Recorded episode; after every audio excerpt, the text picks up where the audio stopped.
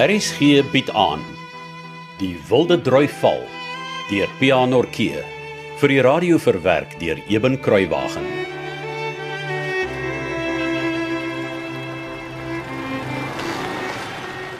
Ja, en toe ons Wat hang jy so skeef waar by agter so sit plek?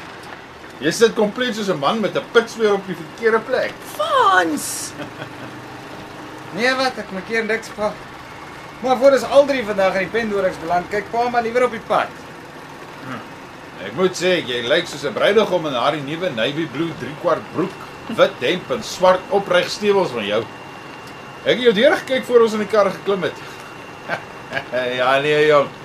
Die nooientjies daar op Klipfontein gaan sweer dat hulle dreenings kry. Pa. Los die kind, Frans.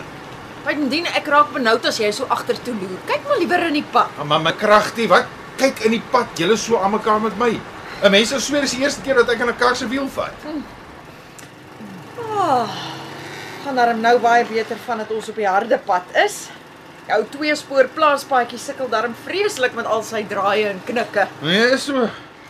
Ons gaan nou baie vinniger aanstoot. Dis lekker koel cool met die luggie wat so onder deur die oop seilkap deurkom, né? Nee? Ja nee, nee, baie lekker.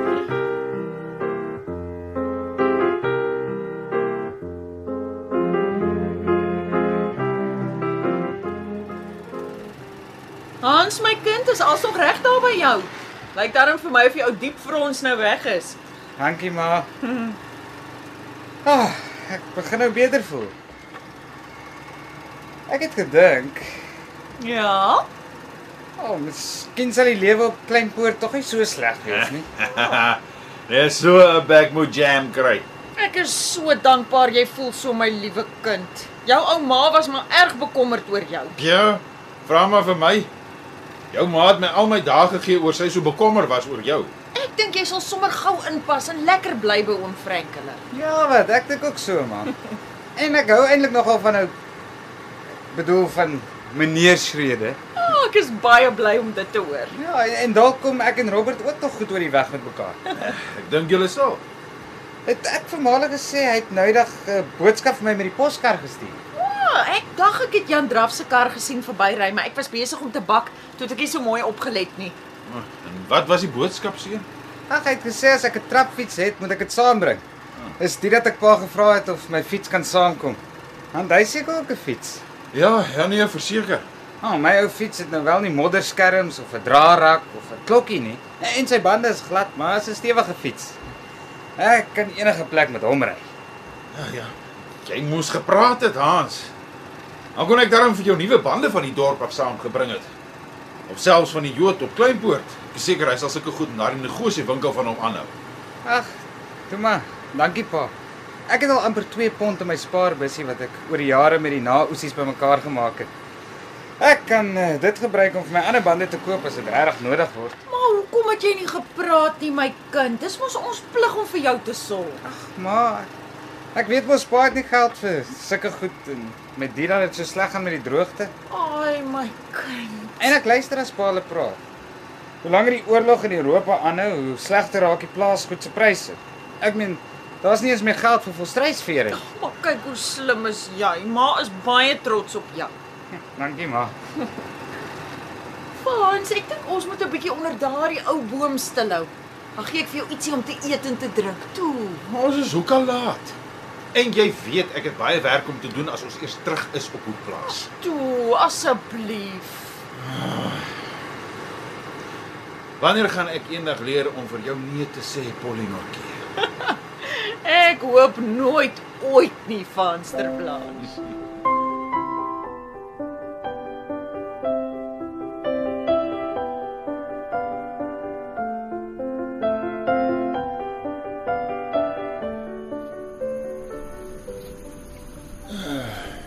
Kyk net hoe lyk daardie rande. Asfal net waar jy kyk. En die eintlike somer lê nog voor. Ja, as dit nie gou reën nie, weet ek nie wat ons gaan maak nie. Ja wel. Toe die eenste Jan Draf van wie ons so flissies gepraat het, laasweek die possak by vlakplaas hek afsit. Hmm. Toe sê hy vir my die meeste druwe bo kan verloor in riviere sal droog. Wat? Ja. Hy sê raaskrans is net 'n syferwatertjie. Ai, Om te dink oorlepale het gereeld in die raaskraan se poel gaan palings vang. Ja. Ons sal maar net moet moed hou en glo die Here sal voorsien. Hm. Wat? Wat was daai ou waarser van die Suurveld se naam nou weer? Praat jy van ou Skoorbek? Ja, dis reg skoorbek. Skoorbek. Dis 'n snaakse naam. ja.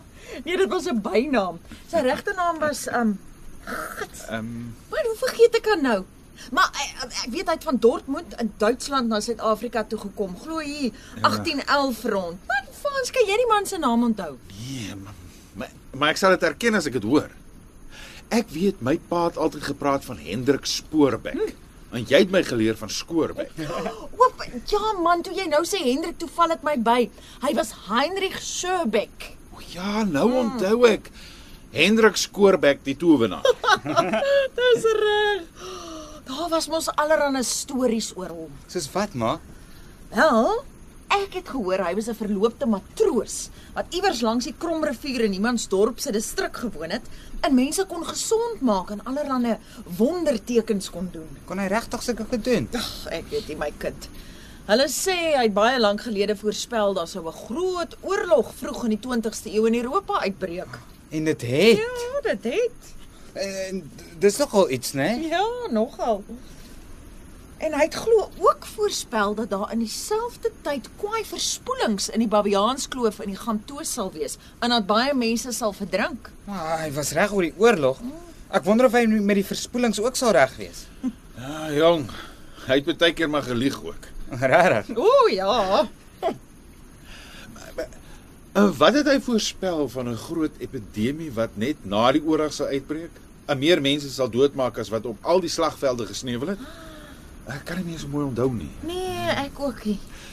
Maar mog hy tog reg gewees het met die groot reëns wat sou kom. Mm. En die mense wat sal verdrink, pa? Nee, jou pa wens natuurlik nie daar moet mense verdrink nie. Maar net dat dit genoeg moet reën om die droogte te breek. Uh -huh, ja, ja, presies. En het pa vir die skoorbek geken. nee, nooit my kind. Jou skoorbek is so ruk na die groot trektersiele. Hier om en by 1845 rond.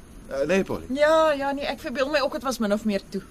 Nou, Ek het 'n hele paar jaar gelede met 'n winkelier op Karedo gepraat wat baie stories oor skoorbek kon vertel. Maar was hy regtig 'n towenaar of 'n 'n profeet of 'n iets? Jong, ek weet nie. Daar's baie stories oor wonderwerke wat hy sou gedoen het. Soos wat, pa? Man. Hulle sê hy het mense met ongeneeslike kwale gesond gemaak en selfs kwaaddoeners myle ver van hom af besweer om in hulle spore te versteen. Sjoe. ja. Dalk kon hy sulke dinge doen want hy het nooit getrou nie. Jy loop na in die slaguister verby meneer Terblanche. En jou oorlewe oupa vertel ou skoorbek is glo een keer te voet hier deur die kloof ook, van plaas tot plaas. maar die vrouens en die kinders het glo op die vlug geslaan as hulle hom sien. Hoekom? Want hy was glo so 'n verskrikking met sy woeste baard en lang hare wat vuil en in krulle oor sy voorkop en skouers gehang het. Sis. Weet julle elke keer as ons deur die Baviaanskloof ry, verwonder ek my aan die vreeslike interessante rotsformasies weerskante van die pad. Hy weet maar ek ook. Ek verstaan nie eintlik mooi wat kon gebeur het nie, maar dit lyk al vir my of daar baie baie lank gelede klip of iets soos 'n uh, uitgerolde deeg uit die grond moes gekom het en en toe sit so na alle kante toe gedruk en geplooi, nes maar se brooddeeg in 'n pan. en toe word die spulletjie hard. Dis oulik gesê. Ja. Dit lyk vir my ook so. Ja, meneer Schreder het al in Adrix kinderlesse daarvan gepraat. O. So dan weet jy seker eintlik beter as jou pa en ma wat gebeur het aan die rotse so lyk. Nee, eintlik nie, pa. Vir my is dit maar baie soos die stories oor ou skoorbek se voorspellings. Hoe so? Nee, ek dink party van die geleerdheid is ook maar 'n klomp raaiwerk. Maar meneer Schreder het iets gesê wat vir my sin maak. Wat nie vir my klink na raaiwerk nie. Ja? En wat is dit? Hy het gesê stormwater het oor baie eeue hier afgespoel gekom tussen die Winterhoek en Kougaberge en toe so 'n sloot in die rotse gevreet.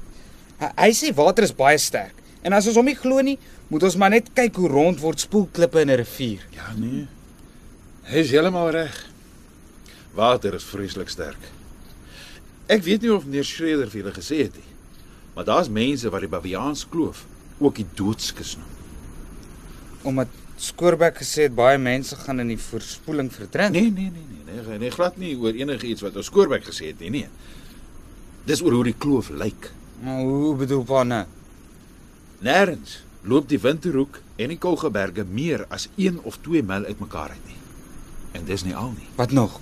Mense kan nêrens in die hele kloof uitkom na die Groot Karoo of die Lang Kloof wat langs aan die Baviaans kloof lê nie.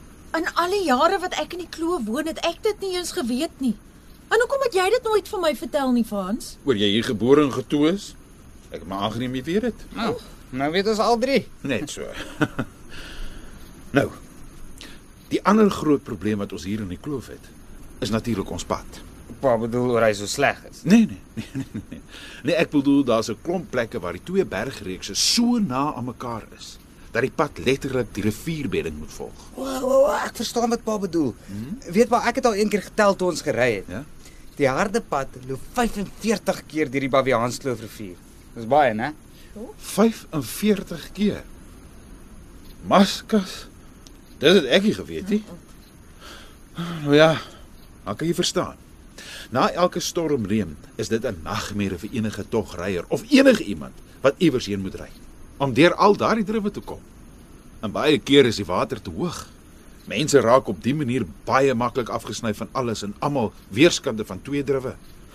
So kan maklik baie gevaarlik raak as rivier afkom. Oh, ek hoop nie dit reën te veel as die reën nie slag kom nie. Hoe sal Hans by die huis kom? Of ons by hom? Ah, my liewe vrou, bekommer jou asseblief nie nou al daaroor nie. En as die rivier so erg sou afkom dat 'n mens nie deur die druwe kan kom nie, is ek seker Hans sal veilig wees by Frank en Martha hulle. Al moet ons ook 'n paar dae ekstra wag vir die vuur om te sak. Ons sal hom ten minste elke vakansie en elke konsert en elke belangrike geleentheid te sien. Ek, Beloof jy? ek beloof. Nou ja, ons het baie langer hier gesit en geginne gaap as wat ek beplan het. Nou moet ons ry dat die stof staan of ek kry vandag nie 'n steekwerk gedaan op die plaas nie. Kom luister gerus maandag verder na PH Norkee se verhaal Die Wilde Drui Val wat in 1982 uitgegee is deur Tafelberg Uitgewers.